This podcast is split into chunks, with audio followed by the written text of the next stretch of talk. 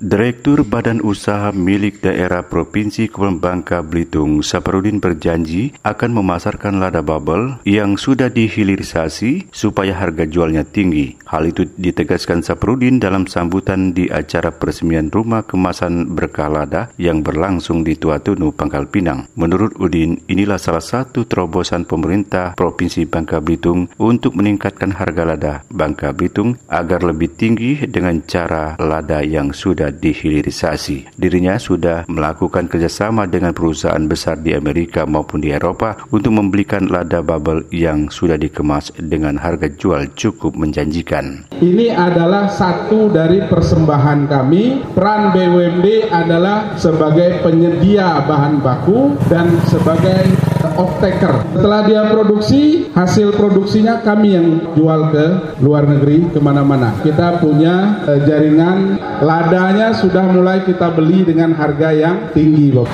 McCormick itu makanya lada kita. Persnegen Belanda yang pegang pasar Eropa. Persnegen itu pakai lada Bangka Belitung. Kita mau langsung ekspor ke McCormick. Tidak ada lagi lewat banyak-banyak tangan. Supaya apa?